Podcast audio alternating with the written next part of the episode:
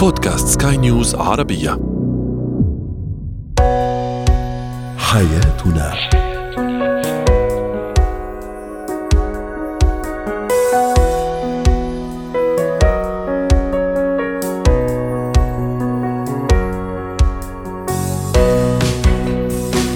مستمعينا الكرام أهلا بكم معنا إلى حياتنا. فضاؤكم اليومي الذي يعنى بشؤون الأسرة وباقي الشؤون الحياتية الأخرى والذي يمكنكم الاستماع إليه عبر منصة سكاي نيوز عربيه dot com slash podcast وباقي منصات سكاي نيوز العربية الأخرى شاركونا عبر رقم الواتساب 00971 561 886223 معي أنا أمال شاب. اليوم نتحدث عن الزواج هل هو وسيلة أم غاية؟ كيف يعتبره البعض وسيلة وكيف يعتبره آخرون غاية؟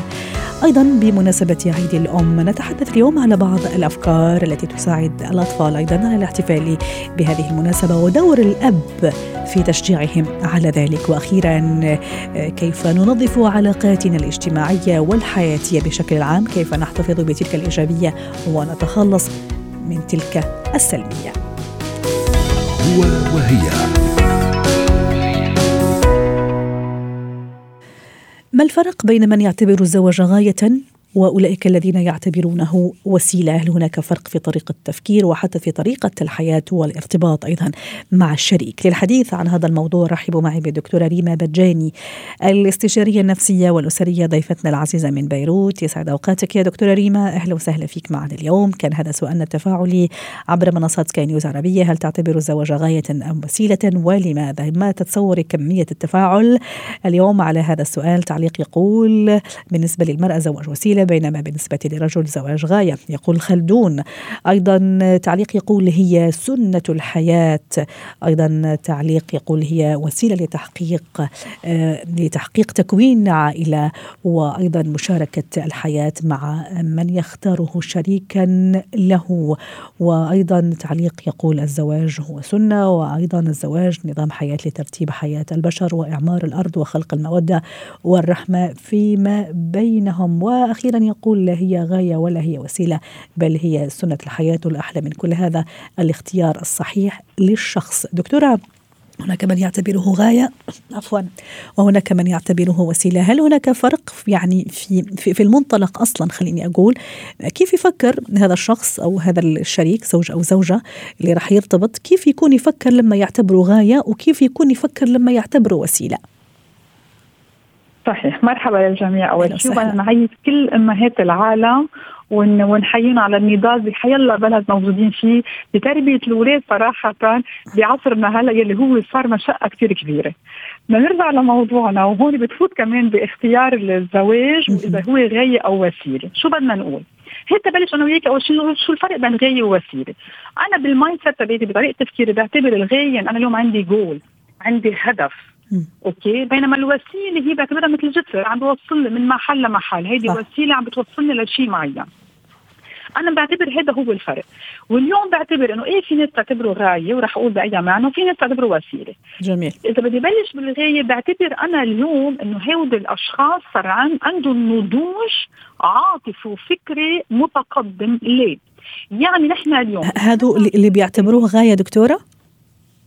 صح ليه؟ رح اعتبر أنا إنه هيدا جول بأي معنى، رح أقول لك إياها بأي طريقة، نحن اليوم بعتبر إذا بدنا نرجع شوي بالتاريخ صار في ناس كانوا يتجوزوا يعني مثل البنت إنه ما لازم تضل بالبيت ما تتجوز، الرجل لازم يعمل عائله etcetera، أنا صراحة هيك بعتبرها بمعنى معين إنه معتقدات موروثة مش يعني غلط ما عم نقول غلط، غير إنه أكيد الفتاه ما لازم تتجوز بس تتجوز، بيكون في إشياء مهمة أكثر كمان، so, معتقدات كان من وراها يعتبروا إنه خلص نحن تجوزنا تنوصل لشيء معين تنثبت حالنا or what بس بطريقة مش ظابطه وتقول غاية الغايه مش بمعناتها المادة. عندي غايه مادية. no. أنا اليوم بعتبر الزواج وبعدني لهلأ بعصرنا هلأ مع كل الانفتاح اللي عم بيصير وكل المواضيع اللي بتصير بعتبر الزواج هو بيكملنا شخصيتنا بال development اللي بس نعمله. ما بتوقف. تطور الشخصية. بس على عمر 12 سنة التطور الشخصي ما بيوقف. أنا نحن بنعتبر بالمراهقة وبعدين خلص بكمل الحياة. بعتبر التطور الشخصي هو دائم وابدا ومن مراحل الحياة هي الزواج. إذا عرفنا اشتغلناها بنحقق ذاتنا. سو أنا اليوم الإنسان يلي قادر يفكر أنا بزواجي عم حقق ذاتي مع شخص بيشبهني وقادرين نعمل الأشياء اللي عبالنا نعملها إن كان تكون عندنا عائله نطور العائله اكسترا هون أنا بعتبرها غاية. غاية بالمعنى إنه أنا اليوم عندي هدف. ما بدي عم فسر صح كلمه غايه عندي هدف عندي جول وعم بمشي فيه. طيب ما بتعتبري كمان إنه شوية هذا يتناقض مع مفهوم الحياة الزوجية اللي هي تتطور تتغير لازم نشتغل عليها كل يوم. لهذا دائما اللي نتفق عليه دكتورة سواء مع حضرتك أو كمان ضيوفنا الآخرين إنه الحياة الزوجية مش خلاص أنا تزوجت وجبت عائلة وخلاص يعني لا يعني بدها homework بدنا نشتغل يوميا نعمل follow up بتعرفي مشاكل أحيانا okay أحيانا مش okay. فأنا إذا اعتبرته خلاص هدف مثل ما عم تفضلي توصفيه إنه خلص أنا حققت الهدف وراح يعني أجلس مكتوفة الأيدي بين قوسين. ابدا لأنه كمان بتطلع صدقتنا معكم بنحكي إنه كيف نحن لازم نطور حياتنا إلى أبد الابدين هون بكمل إنه نحن آه، تطور الشخصية إذا برجع النقطة الأساسية ما هو الهدف السامي إذا فينا نعتبرها بهالطريقه وبكمل أنا ولا مرة بدي أوقف إن كان بشغلي في طموح عندي الدائم إن كان بعلاقتي بزوجي إن كان بعلاقتي مع أولادي أنا على طول بفصلها عن بعضهم. بينما بعتبر إذا وسيلة إنه أنا وسيلة عم تنقلني من نمط حياة لنمط حياة. يعني كيف فسرت شوي بالاول إنه بس كرمال أتجوز أو إنه كرمال ما ضل ببيت أهلي أو تقهروا من شيء معين أو whatsoever هون بعتبر انه هون بدي انحد خلص أنا وصلت اللي بدي إياه. ما بعرف برجع بعيد إذا عم عم بعرف فسر إذا بدك بين وسيلة وغاية. يلي أنا همتني بكلمة غاية عندي آه عندي هدف. يعني الغاية إنه أنا اليوم جي انفي أنا هيك عم بحطها صراحة بهذا الإطار. عدالي أنا أكون موجودة بهذا الزواج. هيدا الزواج اللي ولا ممكن يقف.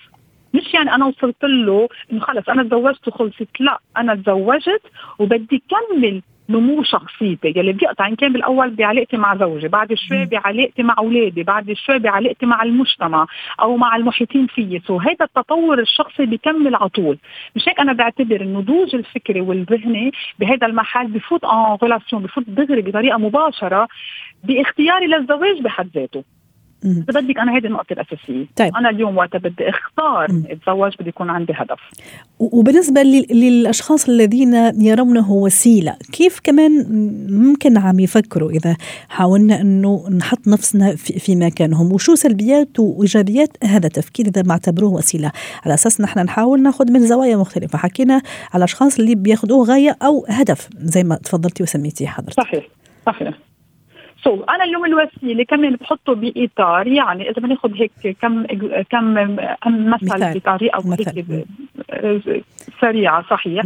إنه يا بيكون إنه خلص صار لازم نتجوز. كثير نسمعها هيدي إنه صار لازم اتجوز أو إنه أنا اليوم نمط حياتي بلشت أزهق. بتعرفي أوقات عن جد في أمور تكون هالقد بسيطة وبتخرب لنا الدنيا بعد شوي هلا بقول كيف. أوكي أو مثل ما قلت يمكن نمط حياه معين الفتاة بدها تخلص منه يمكن أهل بعضهم كثير متشددين. يمكن هروب من شيء معين. يمكن فكرة مثالية عن الزواج ما بتحس بايامنا هلأ صارت الأمور واضحة. كانوا يعتبروا من زمان إنه تزوجنا يعني خلص ارتحنا. يلي هيدي بردك على أول شيء وقت قلتي لي إنه بتنتهي هون الأمور. لا الزواج هو شغل متكامل ودائم ما بيوقف ابدا. بس مش يعني اشغال شقه نو لأنه عن جد بصير في هذا النضوج بصير حلو الزواج. فاذا اليوم في كثير بعض بيعتبروه وسيلة أو يمكن غايه مادية. بعتذر يعني بس بعض الناس بيعتبروه كمان غايه مادية. مثلا الرجل بيبقى مرتاح مع حاله أو هلأ كمان شايفين يكون كمان بالعكس. الزوجة بتكون مرتاحة مع حالها. فعندنا كثير هون بعتبروه وسيلة أنا. انه عم ينقل من حاله معينة لحاله ثانية، هون يكون أكيد ابدا ما بتكون الأمور حلوة، أمور كثير سلبية بإجمالي يعني اجمالا على طول سلبية لأنه ولا بنكون مرتاحين ولا عم نعطي الزواج حقه ولا عم ننا بشخص ننما بشخصيتنا، حتى نحن بنعيش مقهورين آه ما بنكون ساتسفاك عنا ساتسفاكشن يعني عندنا هيدا الرضا والارتياح. أكيد وهون المشاكل بتكون على طول. مش هيك بنسمع بكثير مشاكل صارت لأنه ما كان في نضوج بطريقة اختيار قرار الزواج. يعني قد إيه أنا دقيقة. يعني اليوم قراري بالزواج قد إيه بده يكون في نضوج على قد ما يكون عمري. أنا ما عم بحكي عن حدا عمره بال 20 وبال 30 ما رح يكون ناضج على قبل ال 40 وال 50 بس على قد هيدا الخيار بدي يكون عارفة أنا شو بدي. وهون بدي قصه الغاية. يعني أنا عارفة حالي شو بدي مش إنه بس تاخلص من سيتياسيون من حاله معينة أنا هلأ موجود فيها. شكرا لك دكتورة ريما بجاني الاستشارية النفسية والأسرية ضيفتنا العزيزة من بيروت. زينة الحياة. اليوم نتحدث عن طرق بسيطة وجميلة ورائعة حتى تساعد أطفالنا على فهم معنى عيد الأم ونحن نحتفل اليوم بعيد الأم. آه، وأيضا تقدير دور الأم وأيضا دور الأب أكيد مهم في تشجيع الطفل على موضوع اليوم اللي هو تقدير هذا هذا المناسبة والاحتفال أيضا بهذه المناسبة حتى وكان الاحتفال أو الهدية معنوية. رحبوا معي بدكتورة هبة شركس الخبيرة التربوية ضيفتنا العزيزة يسعد أوقاتك. يا دكتورة هبة أهلا وسهلا فيك. أكيد العلاقة بين الأم وأولادها وأطفالها ما تنوصف. هي علاقة خاصة جدا جدا جدا جدا ويعني لو يعني نحكي فيها أيام وأيام ما رح نعطيها حقها. اليوم ونحن عم نحتفل بهذا اليوم الجميل آه، والأمهات أكيد هو يومهم هو عيدهم رغم أنه أيامهم كل أيام السنة طبعا لازم آه، نحتفل فيها. لكن إذا حب اليوم أحكي على طرق بسيطة وجميلة وحسب أيضا وعي وإدراك الطفل لنشجعه على الاحتفال مع آه، مع أقرب الناس له بهذه المناسبة. شو ممكن نقول عليها؟ طبعا بداية حابة أقول لكل أمهات العالم كل عام وأنتم بخير ولكل نساء العالم كل عام وأنتم بخير لأن في الحقيقة كل امرأة بداخلها أم أم نفسية حتى لو كانت لسه ما بقتش أم بيولوجية. وحتى البنوتة وهي صغيرة هي أم تبلش فيها الحنية ومدري إيش وهي صغيرة دكتورة هبة. صحيح وهي بتلعب مع روسيتها بتبقى بتتمثل مشاعر الأمومة. صح. فكل فعلا ما هو مؤنث آه، يعتبر أم والأم الأم النفسية موجودة داخل كل النساء.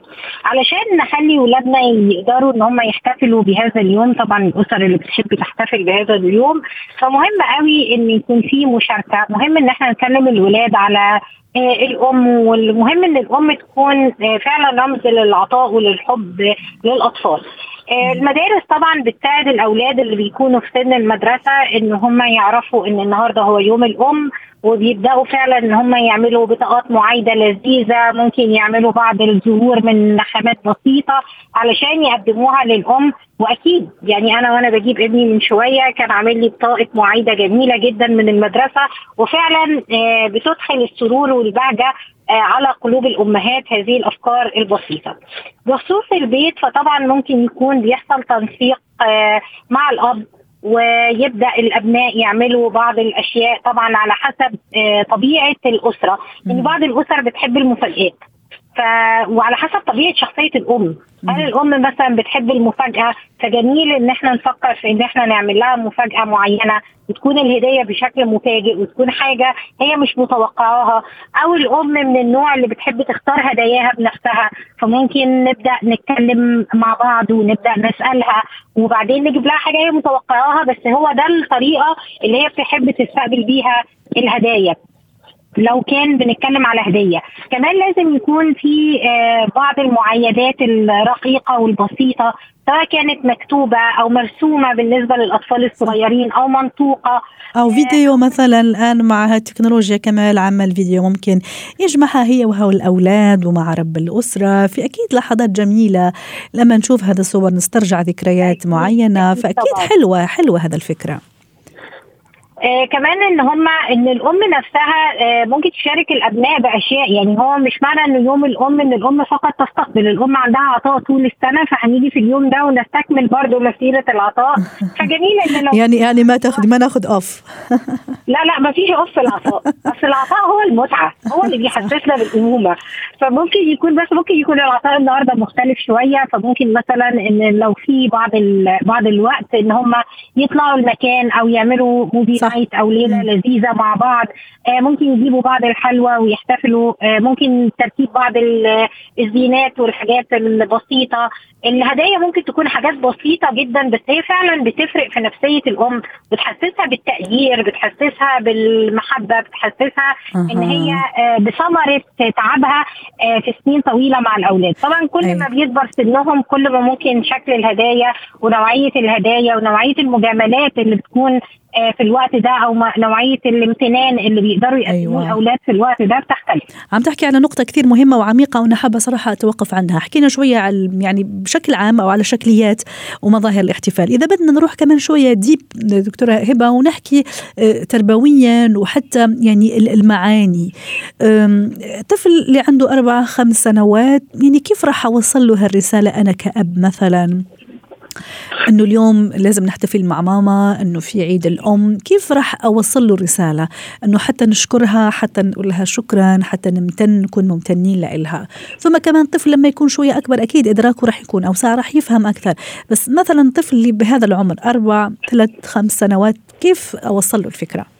ودوري أنا كأب الاب دوره في في اليوم ده إن هو يوصل فعلا مشاعر الامتنان يعني يخلي ابنه يوصل لمشاعر الامتنان علشان يقدر الطفل ده يوصلها لأمه. فجميل إن هو يحكي له على أمه إن أمك بتعمل كذا لأن الاطفال بياخدوا العطاء بتاع الأم على إنه مسلمات وبديهيات. ما هذه هي هذا كمان نقطة كثير مهمة صح؟ فالأب مهم إن هو يقول له يعني مثلا أنت لما بتتعب مين اللي بيقعد يسهر معاك؟ أنت لما مين بيجهز لك أكلك؟ مين بياخدك يعمل لك كذا؟ مين بيلعب معاك؟ مين بيسوي كذا؟ كل الحاجات دي اللي الأم بتعملها مع الطفل مين اللي بيحضنك؟ مين اللي بينيمك؟ مين اللي بيحميك؟ مين اللي فهو يبدأ إن هو يحسسه بإن الأم بتعمل أشياء كثيره طبعا في أفلام كرتون صغيرة بسيطة بتعبر عن الامومه فممكن برضو الأب والابن يتفرجوا آه، على فيلم كده علشان يوصل الفكرة. لأن الأطفال الكرتون بيوصل لهم الأفكار أكتر من. الكلام والحديث. طريقه الأسئلة إن أنا ما أقولش بالطفل ماما بتعمل واحد اثنين ثلاثة لا إن أنا أسأل الطفل وأسيبه هو يستنتج دي مهمة. دي في فرق كبير ما بين الطريقتين في إيصال المعلومة للطفل خصوصا السنوات الصغيرة. إن أنا ممكن أرسم بعض الأشياء مع الطفل وأقول له مين اللي بيعمل هذا الشيء؟ يعني ارسم له آه طبق طعام مثلا أو أخده إلى أماكن معينة آه زي المطبخ زي مثلا الخزانة بتاعته زي منطقة الألعاب زي كذا. واقول له مين اللي دايما بيصحبك للأماكن دي؟ فمهم إن إحنا نقول الكلام ده. طبعا لازم الطفل يلاقي في الاب قدوة. إن هو يلاقي صح. إن الأب نفسه بيقوم وبي يعني آه بيقول للأم كل سنة وانت بخير. آه كمان إن الأم والأب يكونوا بيتصلوا بالجد والجدة ويعني بالأجداد بجدة الأب وبجدة الأم آه لو كانوا موجودين وإنه يكون بنروح بيت العيلة لو كان ده متاح طبعا. آه فطبعا ده برضو إحنا بننقل المعاني بطريقة إن إحنا القدوة. فكل الطرق دي بتيسر على الأطفال خصوصا في السن الصغير إن هم يقدروا فعلا آه، يوصلوا لفكرة الأمومة والمعنى الأمومة والطريقة المناسبة لإن هم آه، يمتنوا للأم. لأن هي أكبر هدية للأم هو حضن وابتسامة وإن هي تحس فعلا إن ولادها حاسين بالمجهود اللي بيبذل علشانهم ممتنين لها بشكل كبير. رائع جميل جدا. وقبل ما نختم آه، كمان يعني ضروري إنه حلو كثير ودور الأب كبير في هذا الموضوع. وخلينا كمان نذكر إنه كمان الأب عنده يوم ها يا دكتورة هبة؟ أيوه طبعا. إنه نحتفل فيه إنه لأنه الزخم ماخذته كثير أو ماخذه كثير هالمناسبة وطبعا هي جميلة ورائعة عيد الأم. بس كمان حلو إنه نتذكر الأب آه، في عيده. ومش كثير بيعرفوه في الحقيقة لما نسالها بتعرف إنه في عيد أب؟ آه يعني ممكن في كثير ناس تتوقف عن هذا الموضوع رغم إنه في اختلاف كمان التواريخ. وفي كمان يوم الأسرة العالمي ممكن الأسرة كلها تحتفل بيه والمناسبات العامة وكمان لو في يوم الميلاد أو حاجة يعني المناسبات دي بتنعش العلاقات في الحياة صح. الأسرية فجميل إن الأسر كلها تهتم بالمناسبات. تماما. وما يكون في متفرقة على مدار السنة بس ذكرياتها بتخلينا نقدر نكمل التحديات اللي بنقابلها أنا معك. وعيد الأب على فكرة 21 يونيو يعني اللي مش عارف. فيلا نستعد كلنا أيضا للاحتفال بعيد الأب. وممكن كمان رح نعمل حلقة على هذا الموضوع حتى نكون منصفين. شكرا لك دكتورة هبة شركة ساعتين اليوم بهذه المشاركه مهارات اليوم سنتحدث عن العلاقات العلاقات الإيجابية والعلاقات السامة العلاقات الحياتية بشكل عام والعلاقات الاجتماعية أيضا كيف نحتفظ بالعلاقات الإيجابية التي تضيف لنا والعلاقات السلبية كيف نتخلص منها. رحبوا معي بنور هشام مدربة مهارات حياة. يسعد أوقاتك يا أستاذة نور. اليوم عندنا session. آه سميتها session شفاء العلاقات أو تنظيف العلاقات.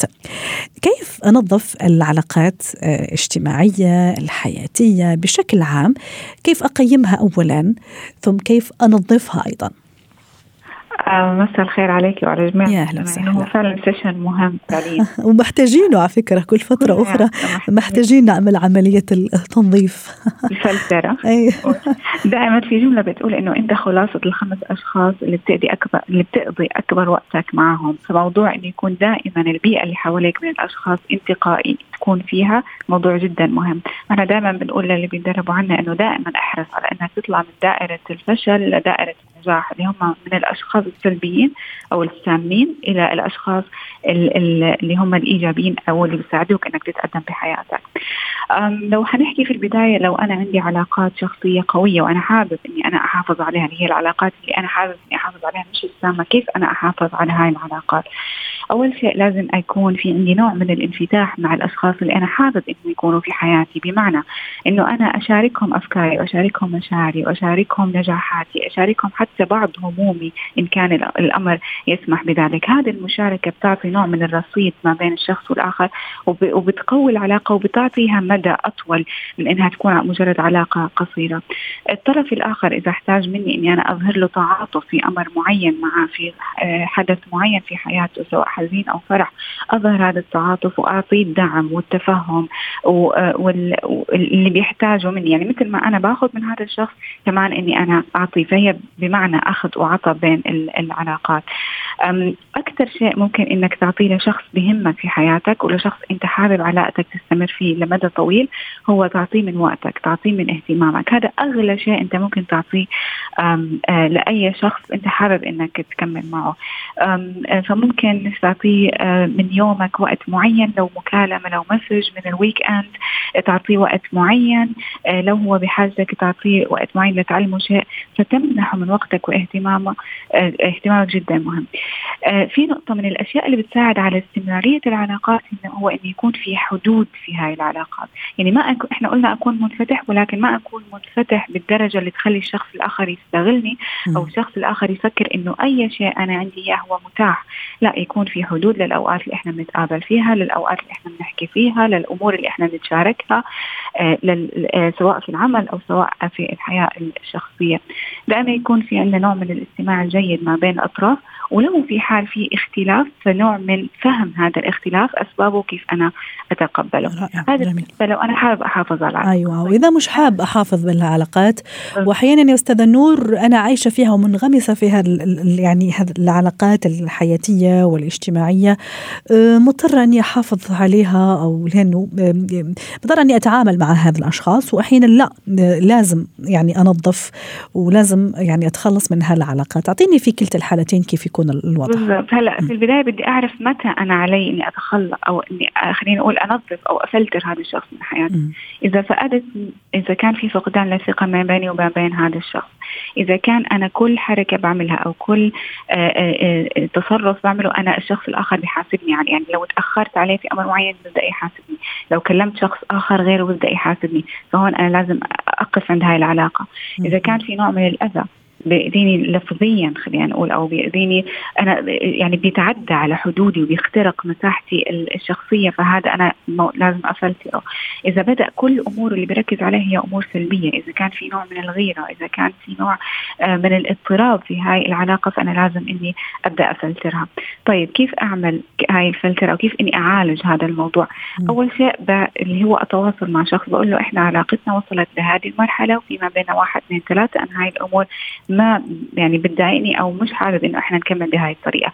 فهل في نوع من التغيير أو الخطوات اللي إحنا ممكن إن نمارسها عشان إحنا نستمر في هاي العلاقة؟ هذا في حال أنا كنت حابب أستمر في العلاقة. فالشيء الأول هو التواصل والتوضيح وإني يكون عندي العلامات وأنا قررت إنه هي علاقة هاي سامه أو علاقة مش حابب إني أكمل فيها بالشكل اللي إحنا عليه حاليا. أفهم حدودي الشخصية؟ انت تعديت على هذا الحد أنا مش حابب إنك تعمل. أنت تكلمت كلامك سلبي أنا مش حابب ان يكون أغلب كلامنا بهاي آه، الطريقة. في ناس حتى تتفادى كل الأخذ والعطاء وهذا تنسحب مباشرة يعني عرفت كيف؟ تتفلتر وتنسحب وخلاص يعني. اختصارا للوقت والجهد. تماما. لو شخص من الدرجة الأولى أكيد أنا لازم اعالج هالعلاقه لو شخص معي في العمل وأنا ما عندي مكان عمل آخر أنتقل له فأنا لازم أعالجه. ولكن لو هو مجرد صديق أنا بلتقي فيه هو مؤثر على حياتي فالافضل هو الانسحاب من هاي العلاقة لأنه أنا كشخص بستحق وبستاهل ومن حقي يكون حوالي أشخاص داعمين. هلأ صح. ما بقول لك إنه أشخاص كلهم إيجابيين في جميع الأوقات ما إحنا بنمر بظروف. مثل ما أنا سلبي شخص آخر ممكن صحيح. بتحمله. م. ولكن إحنا بنحكي على المجمل على بشكل تماما. تماما. شكرا لك يا سيدة نور هشام مدربة مهارات الحياة ضيفتنا العزيزة من دبي. أسعدتينا وأتمنى لك يوم سعيد. حياتنا.